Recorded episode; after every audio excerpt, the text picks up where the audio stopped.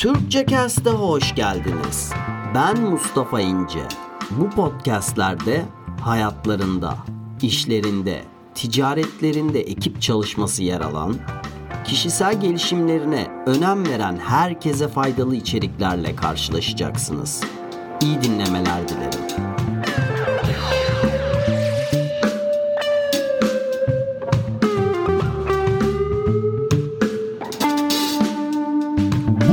Podcast'imizin konusu 8 adımda minimalizm. Sadeleşmek için izleyebileceğiniz 8 basit yöntemden bahsedeceğiz bugün. Bunlar benim daha mana dolu, daha amacıma, hedeflerime yönelik bir hayat arayışı içerisinde bulunduğum dönemde karşıma çıkan, derlediğim, uyguladığım 8 basit yöntem. Sizler de bu yöntemleri uygulayabilir ve daha sade, daha mana dolu, daha amaca yönelik minimalist bir hayat yaşayabilirsiniz. Birinci adım karar vermek. Her şeyde olduğu gibi burada da ilk olarak karar vermemiz gerekiyor arkadaşlar. Minimalizm nedir sorusu kişisel bir sorudur. Birçok farklı düşünce ve algılama şekline göre farklılık gösterir. Çünkü her birey hayatı kendi penceresinden, kendi perdesinden izler. Minimalizm nelerden kurtulduğunuzdan daha çok ne kazandığınızla alakalıdır. Yani hayatınızdan ne çıkarttığınızdan daha ziyade bu çıkarttığınız şeylerin doğrultusunda ne kazanıyorsunuz? Bu önemli. Minimalizm bununla alakalıdır. O yüzden ne kazanmak istediğinizi belirleyin. Amaçlarınızı, hangi yöne gideceğinizi belirleyin ve karar verin. Ardından ikinci adım geliyor tabii ki. Kirli kaynağı filtreleyin. Sadeleşmek için ne kadar mücadele ederseniz edin, hayatınızı aldıklarınızı kontrol etmediğiniz, edemediğiniz sürece başladığınız noktaya geri döneceksiniz. Kirli bir gölet düşünün. Siz onu temizlemeye çalışıyorsunuz. Ne kadar temizlemeye çalışırsanız çalışın, eğer kaynaktan akan su kirli ise o gölet tekrar kirlenecektir. Kova kova su boşaltmanın bir manası yok yani. Önce bir kaynağı filtrelemek gerekiyor. Bilinçli bir tüketici olmalısınız. Hayatınıza aldığınız şeyleri almadan önce iyi düşünmelisiniz. Bir şeyleri satın almadan önce iyi tartmanız gerekiyor arkadaşlar.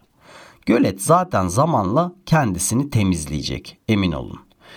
Üçüncü adım etrafınızdaki eşyaların amaçlarını iyi bilin. Çevrenizdeki eşyaların fonksiyonlarını bilmek sizlerin nelere gerçekten ihtiyacınız olduğunu, nelerin yaşam tarzınızda zorunlu ve gerekli olduğunu algılamanıza yardımcı olacaktır. Burada amaç bizler mi eşyaların hizmetkarları olmuşuz, kölesi olmuşuz yoksa eşyalar bizlere amaçlarında hizmet ediyorlar mı? Bu durumun farkına varmaktır buradaki mesele. Ardından dördüncü adıma geçiyoruz. En çok kullandığınız eşyaları belirleyin. Unutmayın ki bir eşyanın kullanışlı bir eşya olmasının ilk kuralı o eşyanın kullanılıyor olmasıdır. Günlük kullandığınız eşyaları not alabilirsiniz. Gün içerisinde birden fazla kullandığınız eşyalar olursa notunuzda yanına tekrar ve tekrar işaretler koyabilirsiniz. Tabi bu listeyi sezonluk yapmanız gerekebilir. Çünkü yazın ve kışın ya da baharda kullandığınız şeyler farklılık gösterebilir. Bu liste sizlerin ihtiyaçlarınızı, nelerin sizin yaşamınızda sizin için daha değerli olduğunu belirlemenizi sağlayacaktır. Ardından 5. adıma geçiyoruz. Az çoktur meselesi. Boşluk değerlidir. Bizler bardağın içerisindeki boşluğu kullanırız değil mi? Yaşadığımız alan dört duvarın etrafını çevrelediği bir boşluktan ibarettir. Kitaplarımızı koyduğumuz raflar, hepsi bir boşluktur aslında. Yani boşluk değerlidir. Birçok şeye sahip olmak asıl gerekli şeylerin farkına varmamızı zorlaştırabilir. Karmaşa içerisinde asıl odaklanılması gereken önemli şeylerin farkına varmakta zorluk çekeriz. Az ama kaliteli şeylere sahip olmalıyız. Bizlere asıl amacımıza yol almakta yardımcı olacak şeyleri belirlemeliyiz. Tabi azlık bizlere temizlik konusunda zaman ve enerji de kazandıracaktır. ve eşyaların bakımı, korunması çok daha kolay olacak ve daha az maliyet gerektirecektir. Altıncı adım fazlalıklardan kurtulmaktan geçiyor arkadaşlar. Sizlere mutluluk vermeyen, kullanmadığınız şeyleri satabilirsiniz ya da bağışlayabilirsiniz, çevrenizle paylaşabilirsiniz. Eminim bulunduğunuz bölgede bir kıyafet kumbarası vesaire vardır ya da bu eşyaları satıp değerlendirebilirsiniz arkadaşlar. İngilizce'de bir kelime var. Tatil, vacation demektir. Latince vocare'den geliyor bu. Anlamı kelimenin geldiği kök özgürlük demektir. Boş olmak demektir. Bu çok tatlı değil mi? Bizler tatilleri hep sevmişizdir. Çünkü bu boşluktur ve çoğunlukla bir çantacık eşya alırız ve bu yeterlidir hepimiz için değil mi? Koca bir tatili birkaç eşya ile geçiririz. Neden eşyalarımızdan kurtulup her günümüzü bir tatil gibi geçirmeyelim ki? Tabii ki gerekli olan eşyaları tutmak gerekiyor. Bundan bahsetmiyorum. Ama neden gerekli eşyaları sadece hayatımızda tutup da her günümüzü bir tatil gibi geçirmeyelim ki? Yedinci adım eşyaların eşyaları. Bir eşyayı azaltmak kimi zaman onunla bağlantılı birçok eşyadan kurtulmanıza yardımcı olacaktır.